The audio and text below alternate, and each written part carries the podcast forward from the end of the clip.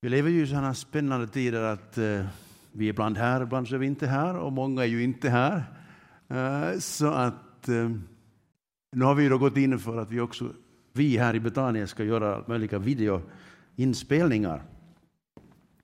Och eh, vi har faktiskt öppnat en, en, kanal på Youtube, Betania Sibbo slash Sippo kan ni söka på så hittar ni hela två videor vid det här, video vid det här laget. Det ena är Nils Gustavs predikan för, för ett par veckor sedan. Och, eh, och så en liten, bara en sån här liten testvideo jag gjorde med ett nytt program. Eh, och det kommer att bli mer av det här framöver, hoppas jag faktiskt. Både personliga samtal men också naturligtvis sådana predikningar och andra inslag från gudstjänster, kanske sång och så vidare. Vi får se vad det blir. Men faktum är ju att, att kyrkor över hela världen måste anpassa sig till den nya verkligheten och börja producera mera media. För människor sitter hemma med sin telefon eller med sin platta eller sin dator och surfar runt hela världen för att se om det finns någonting som kan ge dem lite hopp, lite tro, lite någonting som, som kan ge dem en riktning i den här förvirrade och ganska skrämmande tiden.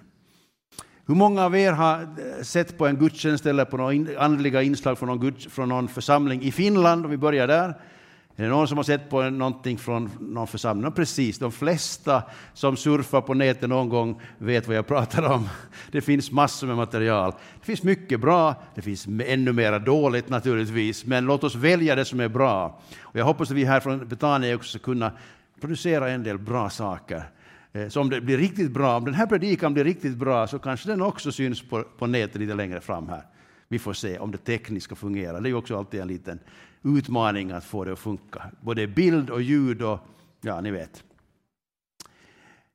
Hörrni, vi har redan pratat väldigt mycket om och sjungit om och sjungit till Jesus. Och eh, dagens predikan så handlar precis om just det här. Det viktigaste i en människas liv då talar vi om alla människor på hela jorden och alla människor i hela Sibbo. Det allra viktigaste för varenda människa, det är... Vad kan det, vad kan det vara? Naturligtvis är det det personliga mötet med Jesus. Det är det vi ska prata om idag. Det finns egentligen ingenting annat som är viktigare än att jag får uppleva Jesus. Att jag får möta Jesus personligen och då frågar man Jens, men hur går det till? Han går ju inte omkring här på jorden som han gjorde för 2000 år sedan. Hur möter jag Jesus? Men innan vi kommer in på den saken så ska vi faktiskt läsa tre bibelställen eller om tre personer som mötte Jesus och hur deras liv förändrades tack vare det här mötet med Jesus. Det är bara för att vi ska komma ihåg hur Jesus möter varenda människa på ett väldigt personligt vis. Bara för att din bänkgranne eller din husgranne tänkte säga, har mött Jesus och berättar om, hur, om sitt möte med Jesus på sitt sätt, så betyder det inte att du måste eller ens kan möta Jesus på just det viset, utan faktiskt så har Jesus ett personligt möte som är unikt för just dig. Han känner ju dig, han vet hur du fungerar och han hör dig och förstår dig där du är just nu. Och därför så kan han möta dig på ett personligt, unikt vis och vill göra det. Det är jag övertygad om. Johannes 1. Nej, nästa dag står det så här. Nästa dag beslöt Jesus att gå därifrån till Galileen. Då fann han Filippus och sa till honom, följ mig. Filippus var från Betsaida, samma stad som Andreas och Petrus. Filippus fann Natanael och sa till honom, vi har funnit honom som Moses skrev om, och, eh, om i lagen och som profeterna skrev om, Jesus, Josefs son från Nasaret. Natanael sa till honom, från Nasaret? Kan det komma något gott därifrån? Filippus svarade, kom och se. Jesus såg Natanael komma och sa om honom, här är en sann israelit som är utan svek. Natanael frågade honom, hur kan du känna mig? Jesus svarade, innan Filippus kallade på dig såg jag dig under fikonträdet. Natanael svarade, Rabbi, du är Guds son, du är Israels kung.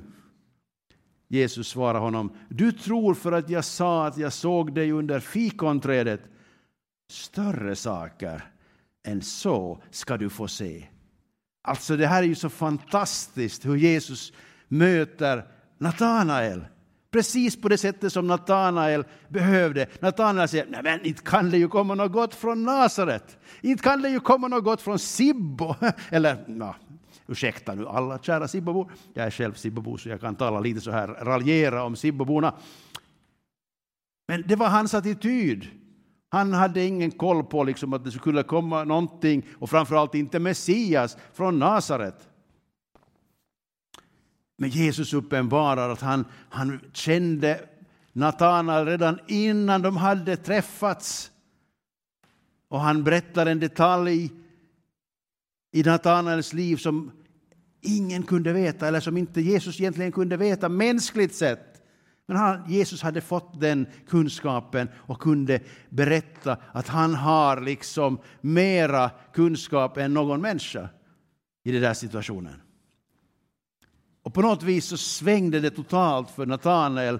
Hans ifrågasättande, hans tvivel, hans, hans liksom otro vändes liksom som man skulle vända ett blad. Och, och han, han liksom på något sätt gör en bekännelse att, som går väldigt långt direkt. Så på något sätt så var det tydligen hos honom en viktig sak att få upptäcka vem är Messias. Och så får han möta Jesus på det här sättet och han blir övertygad. Vi tar en annan. Marta, en fantastisk berättelse igen om hur Jesus möter människor personligen på ett väldigt unikt sätt.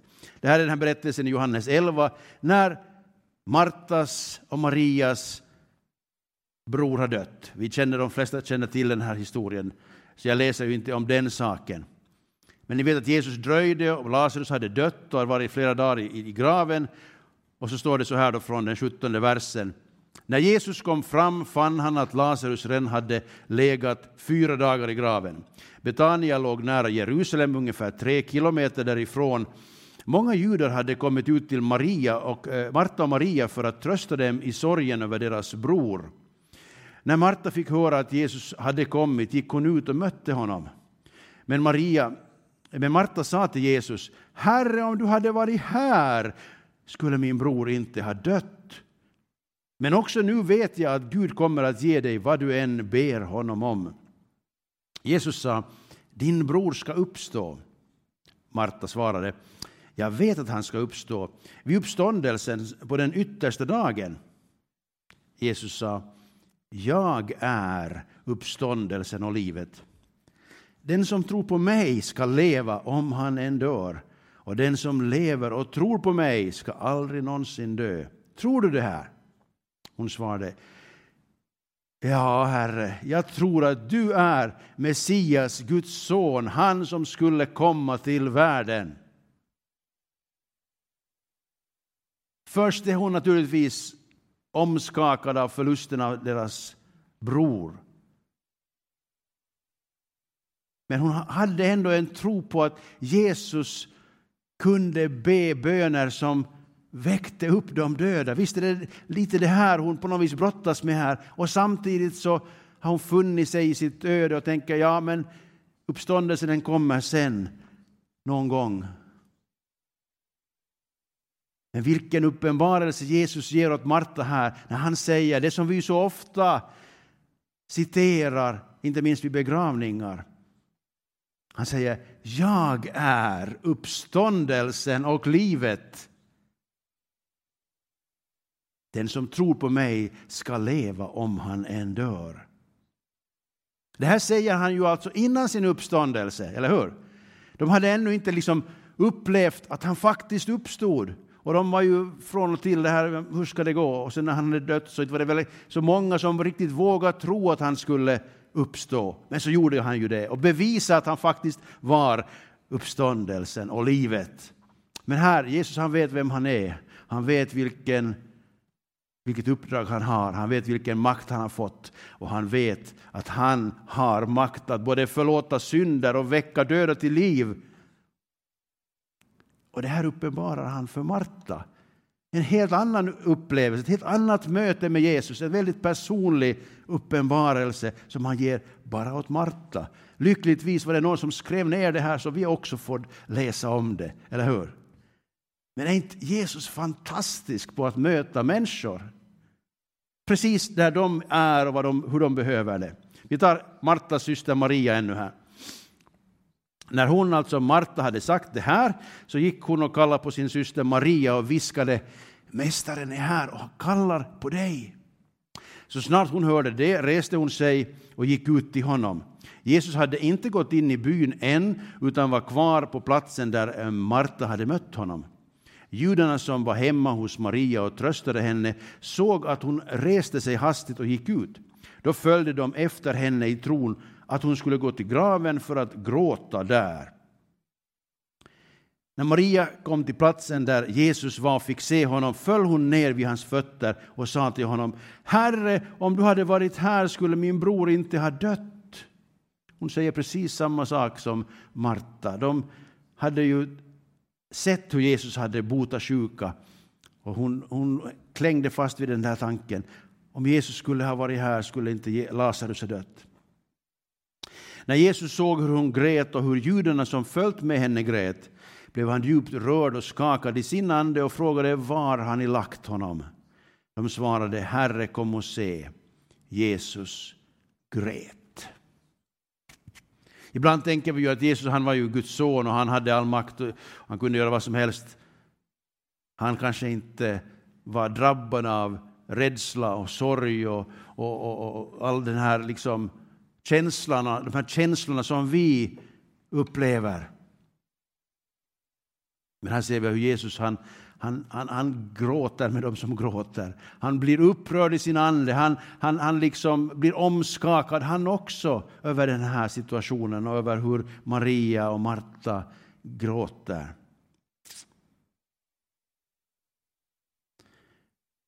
Och Maria får ett möte med Jesus som bara hon behövde, eller just ett sånt som hon behövde. Och vi vet när den här berättelsen fortsätter sen att Jesus gör ju det här fantastiska undret att han väcker Lazarus från de döda.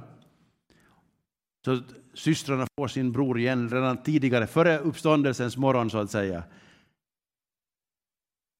För några år åtminstone framåt. Får de igen vara tillsammans. Och samtidigt så är ju den här händelsen någonting som triggar hela motståndet mot Jesus och får dem att bli ännu upprördare och argare på Jesus och till sist gripa honom och korsfästa honom och så vidare. Eh, så att eh, det blev glädje för Marta och Maria och Lazarus, men det blev svår kamp också sedan för de andra och för Jesus. Då så, det här var de här berättelserna från Bibeln om hur Jesus mötte människor, eller hur människor mötte Jesus. Då kommer vi till den här personliga frågan igen. Då. Har du mött Jesus på ett personligt och unikt vis? Har du haft en upplevelse i ditt liv som du nu är övertygad om att det här var ett möte med Jesus? Det här var ett personligt, unikt tilltal från Gud till mig. Jag tror vi, vi ska inte ha handuppräckning här, men jag tror de flesta som är här har någon upplevelse som de upplever här kom Gud mig nära, här har Gud talat till mig. Kanske flera sådana upplevelser, starka upplevelser att Gud var väldigt nära, att Jesus mötte med dig. Och Jag tror ju faktiskt att det är här i det här mötet med Jesus som våra liv blir förvandlade. Jag tror det är viktigt att vi har kunskap om Bibeln naturligtvis. Och vi, vi kan liksom förklara saker och ting, hur det hänger ihop. Och vi kan på något sätt eh, ha andra resonemang som på något vis stärker vår tro på Jesus. Men det är nog i det här mötet med Jesus som våra liv på riktigt och på djupet och på allvar blir förändrade.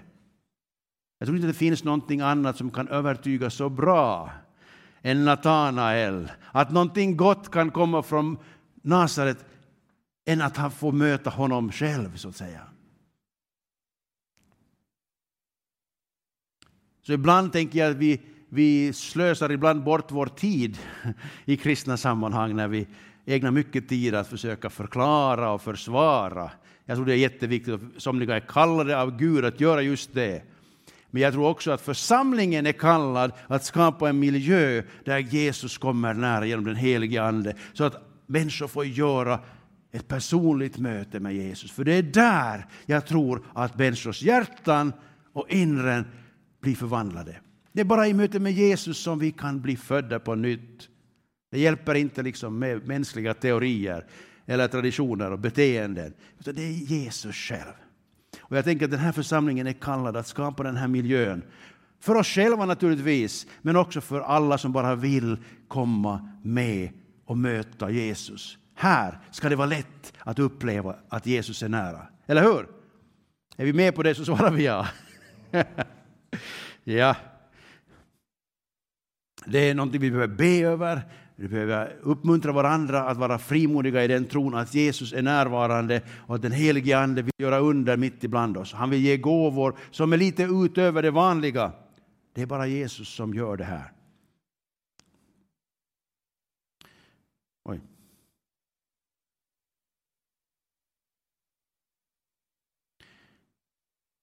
Ja, hur går det till nu när inte Jesus går här på jorden? Vi kan ju inte möta honom i köttet så att säga. Eh, hur, hur, hur, hur går det till egentligen att göra ett möte med Jesus idag, 2000 år senare efter att han for till himlen? Ja, många känner ju till det, vad som hände efter att han for till himlen. Jo, efter några veckor så sände han den helige Ande som han hade lovat för att alla skulle få uppleva närheten. Och jag tog bara ett ställe här från Apostlagärningarna 10, ett väldigt känt eh, ställe som jag tycker är jättebra och som jag hoppas att ska få bli verklighet också i Betania allt oftare. Att när vi predikar, när vi förkunnar Guds ord så ska det ta tag i människors hjärtan och, och det ska liksom hända någonting. Den helige Ande ska få komma in och göra någonting. Så här står det då, Apostlagärningarna 10, 43-46. Det är Petrus som undervisar Cornelius, alltså hedningen och hans vänner. Och säger så här om Jesus. Om Jesus, om honom alltså, vittnar alla profeterna att var och en som tror på Jesus, på honom, eh, får syndernas förlåtelse genom hans namn. Medan Petrus ännu talade föll den helige Ande över alla som hörde ordet. De troende judarna som hade följt med Jesus häpnade över att den helige Andes gåva blev utgjuten också över hedningarna eftersom de hörde hur de talade i tungor och prisade Gud. Det här var ju fråga om eh, gudfruktiga hedningar som hade läst skrifterna, som trodde på Gud och som ville uppleva mera. Och de hade på något vis fått höra om det här med lärjungarna och fått en uppenbarelse om att söka reda på Petrus. Och de hade fått Petrus dit och han talar om Jesus, hur Jesus är världens frälsare. Och så gör Gud någonting som bara Gud kan göra. Han fyller de här med helig ande och börjar tala i tungor och profetera. De fick ett möte med Gud, eller hur? Som ingen kunde så att säga bortförklara, åtminstone inte de själva. Det var det här som gjorde att liksom, den, här, den här troende judeförsamlingen, de här judarna som trodde på Jesus, började förstå att Gud vill mycket mera. Han vill sända dem till att undervisa om riket, predika evangeliet för alla folkslag, i alla länder. Det här var början till den process som ledde till att också Sibboborna till sist skulle få höra om Jesus. Eller hur? Hedningarna skulle få höra om, om frälsningen i Jesus. Och allt börjar ju från Jesus naturligtvis. Vi har Johannes 7. Eh, från 37 versen. När Jesus var i Jerusalem, i templet, under en högtid och på den sista dagen, den största i högtiden, stod Jesus och ropade om någon är törstig, kom till mig och drick. Den som tror på mig, som skriften säger, ur hans innersta ska strömmar av levande vatten flyta fram. Vad pratar han om? Och författaren förklarar genast. Detta sa han om anden som de skulle få som trodde på honom. Anden hade nämligen inte kommit än eftersom Jesus ännu inte hade blivit förhärligad. Men han kom ju sen, eller hur? Och det är ju här på något sätt som vi har det här mötet med Jesus. Det sker faktiskt idag genom den helige Andes närvaro. Det är i den helige Ande som Jesus blir förhärligad. Det är i den helige Ande som vi får en förening med Jesus och med Fadern. Jag tror det här är så enormt viktigt för oss att förstå, att kunna också berätta det här, att det är inte fråga om att lära sig kunskap. Det är inte fråga om, det är bra med kunskap, vi behöver det för att allt ska komma på, på liksom spåret. Vi behöver förstå att eh, Gud finns och att han älskar oss och vill möta oss. Så mycket, så mycket kunskap behöver vi nog. Och det är inte heller om att liksom, hitta det rätta sättet att bete sig. Det är inte det som avgör, utan det som avgör det är att vi tar emot den helige Ande. Eller hur? Hur skall vi möta Jesus? Jo, det är genom att släppa in den helige Ande i våra liv. Be Gud att fylla oss med den helige Ande. Alltså när jag läser Nya Testamentet så finns det inte någonting annat som ersätter den helige Andes närvaro. Det är ingenting annat som möjliggör ett möte med Jesus än den helige Ande. Och därför så måste vi personligen be om helige Ande, hjälp mig att höra dig upptäcka dig och förstå att du är med mig. Och när vi gör det så börjar det hända saker. Mitt i 2020 kan Jesus komma nära genom den helige Ande. Jag hade en så rolig upplevelse igen. Jag, vet, jag har, jag har sådana möten med den helige Ande att det, det är små roligt tycker jag. Det var här, jag tror det var på fredag morgon jag vaknade precis när jag vaknade liksom, så var det på något vis, det kom sådana jobbiga tankar som var jättetråkiga. Jag ville inte ha dem, men de, de bara liksom snurrade på, på något sätt. Och då sa jag till, till den helige Ande, alltså de här mina tankar är nog inte något bra. Har inte du några bättre tankar som du kunde ge åt mig? Alltså, han är så humoristisk, inte vet jag kommer ens ihåg vad jag tänkte, men på något vis så svängde det i, mitt, mitt, i min tanke. Och så fick jag sådana här goda idéer, tyckte jag själv, som jag började bli så inspirerad av. Och, och så lite senare där så kommer den här sången till mig. Jag har en sång inom mig, i hjärtat en melodi. Kärlek från Jesus strömmar nu över mig. Och på något sätt så tror jag ju att det är här som vårt kristenliv får liksom liv och glädje och fylls av inspiration. Det är när den helige Ande låter det strömma fram levande vatten. Är det någon som har upplevt något liknande någon gång? Halleluja, tack för att ni är så med. Yes! Alltså, Jesus kommer och möter oss personligen. Vi borde någon ha ett, ett vittnesbördsmöte eller ett berättelsemöte där människor får dela med sig lite mer om hur har Jesus mött just dig på det personliga, unika sätt som bara du har fått uppleva. Det vore väldigt inspirerande och uppmuntrande.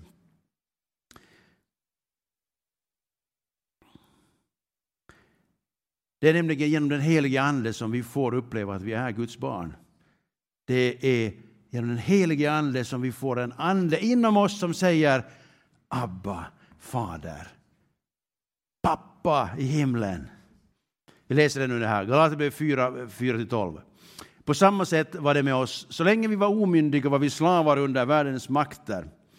Men när tiden var inne sände Gud sin son, född av kvinna och ställd under lagen, för att friköpa dem som stod under lagen så att vi skulle få söners rätt.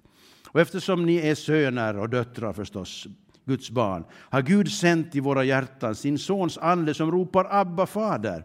Alltså är du inte längre slav utan son, och är du son är du också arvinge insatt av Gud. Förr, när ni inte kände Gud, var ni slavar under gudar som egentligen inte är några gudar. Men nu när ni känner Gud, eller ännu mera är kända av Gud, hur kan ni då vilja vända tillbaka till dessa svaga och fattiga makter och bli slavar under dem igen? Ni håller noga reda på dagar och månader och särskilda tider och år. Jag är rädd att jag kanske har ansträngt mig förgäves bland er. Bröder, jag ber er, bli som jag, för jag blev som ni. Det här är alltså brevet till Galaterna. Ni vet att Galaterna de hade börjat med att uppleva Anden. De hade upplevt Guds närvaro, de upplevde ett möte med Jesus. Men sen hade de så mycket med i bagaget så de ändå sen började ta tillbaka lite det här, den judiska traditionen och sedvänjorna och lagarna och allt det här. Och tänkte att nu måste vi ju ändå försöka ta oss i, lyfta oss i kragen och göra de goda gärningarna så att Gud älskar oss. Och Paulus måste liksom undervisa det här en gång till, att hallå, hallå, gå inte tillbaka till det där slaveriet, utan kom ihåg att genom tron på Jesus, det är där ni får syndernas förlåtelse. Det är där ni får uppleva att ni blir Guds barn. Det är där ni får uppleva den helige Ande som säger inom er, Abba far. Det är bara den helige Ande som kan få oss övertygade om att vi är Guds barn, eller hur? Det är bara när Gud kommer i oss, in i oss, med oss, som vi kan få den här inre förvissningen om att vi är förlåtna, att vi är Guds barn. Och det vill han ju ge åt alla. Eller hur? Gud vill att alla människor ska bli frälsta. Och den helige Ande är utgjuten över allt kött, så det här är tillgängligt för varenda en. Det här borde vi kanske vara tydligare med. Det är inte liksom någon lite religiös intressegrupp eller elitgrupp, utan det är för alla som hör evangeliet, som tror evangeliet och som ber om att Jesus skall komma och möta dem. Den näst, sista versen vi ska läsa här nu då, också från Galaterbrevet. Hur det fortsätter sedan den helige Ande har kommit in i våra liv och gjort oss medvetna om att vi är Guds barn. Då ska vi fortsätta att vandra i Anden. Galaterbrevet 5 och 16 framåt. Vad jag vill säga är detta. Vandra i Anden så gör ni inte vad köttet begär. Köttet söker det som är emot anden och anden söker det som är emot köttet. De två strider mot varandra så att ni inte kan göra det ni vill. Men om ni leds av anden står ni inte under lagen. Köttets gärningar är uppenbara. Sexuell omoral, orenhet, orgier, avgudadyrkan, ockultism, fientlighet, gräl, avund, vredesutbrott, själviskhet, splittringar, irrläror, illvilja, fylleri, vilda fester och annat sådant. Jag säger er i förväg vad jag redan har sagt. De som lever så ska inte ärva Guds rike. Andens frukt däremot är kärlek, glädje, frid, tålamod, vänlighet, godhet, trohet, mildhet, självbehärskning. Sånt är lagen inte emot. De som tillhör Kristus Jesus har korsfäst sitt kött med dess lidelser och begär. Om vi har liv genom Anden, låt oss också då också följa Anden. Låt oss inte vara fåfänga, inte utmana varandra och inte avundas varandra. Det är lätt att se den här första delen, eller hur, i mänskligt beteende och liv idag. Det finns mycket av det här i världen. Men anden som gör oss till Guds barn, som finns närvarande, som vill ge oss bättre tankar, Guds högre tankar. Det leder till kärlek, glädje, frid, tålamod, vänlighet, godhet, trohet, mildhet. Det kommer alltså inte av sig själv, det här. Vi alla, alla människor vill uppleva det här, eller hur? Alla vill uppleva kärlek och glädje och frid och tålamod och mildhet och allt det här som finns här. Eller hur? Visst vill vi ha det här. Men det kommer ju inte bara för att vi vill ha det. Det kommer om vi släpper in den helige Ande att börja påverkar våra tankar, våra attityder, vår förståelse av tillvaron och oss själva. Det är genom den helige Ande som Guds natur blir liksom delad med oss. Det är genom den helige Ande som vi kan få smaka att Herren är god. Så låt oss vandra i Anden. Så allt vad jag försöker säga idag det är det att det personliga mötet är möjligt, det är nödvändigt. Ja, det är själva jotton, om vi säger så här på riktig finlandssvenska, det är själva jotton med den kristna tron, det är att få möta Jesus. Kan vi få höra ett amen på det? Nåja, det är roligt att, att ni håller med. Ja, men kära någon, det här är så otroligt viktigt för oss personligen, men det är så otroligt viktigt också att det finns en tydlig förkunnelse och närvaro i Sibbo med församlingsgrupper som har den här saken klar för sig, att det är Jesus och hans närvaro i den helige Ande som är hela skillnaden. All right. Så det här är ju möjligt alltså för dig personligen, det här är möjligt för oss som församling, det här är möjligt för alla människor att få göra ett möte med, den, med Jesus genom den helige Ande. Det är, vårt, det är vårt budskap i Betania idag, eller hur? Och eh, det här ska vi fortsätta med att predika. Och eh, då tycker jag vi ska avsluta med en kort bön här och sen ska vi också ha en liten förbönstund innan vi går vidare eh, och avslutar. Tack Jesus Kristus att vi får igen bli påminda om att du vill komma oss nära, vill möta oss personligen. Jag tackar dig för att du genom de här bibelberättelserna, Herre, om Natanael, om Marta och Maria har påmint oss om hur unikt och personligt du vill komma oss nära och tala in i våra liv just där vi är med de behov och de, de, den situation vi lever i. Jag tackar dig Herre för att du har fortsatt genom årtusenden att möta människor genom den helige Ande. Genom att du kommer nära och förvandlar oss inifrån och ger oss nya tankar, ger oss del i din natur, ger oss del i det som ger oss de här frukterna som Anden ger oss i kärlek, i glädje, i frid och så vidare. Herre, jag tackar dig för att du vill göra det här gång på gång i våra liv, gång på gång i människors liv, Herre, som bara vågar tro på dig, vågar vända sig till dig och vågar be om denna, detta underverk, Herre, där du förändrar oss, där du ger oss en livsförvandlande upplevelse med dig. Tack för att det inte bara är fråga om enstaka upplevelser, utan det är fråga om också att vi får komma in i den här vandringen i Anden, där vi ständigt får uppleva vissheten om att vi är Guds barn, därför att våra synder är förlåtna på grund av Jesus, det du gjorde på korset, Herre. Och jag tackar dig för att vi ständigt får leva tillsammans med den helige Ande, som fortsätter att undervisa oss och uppenbara för oss det vi behöver veta.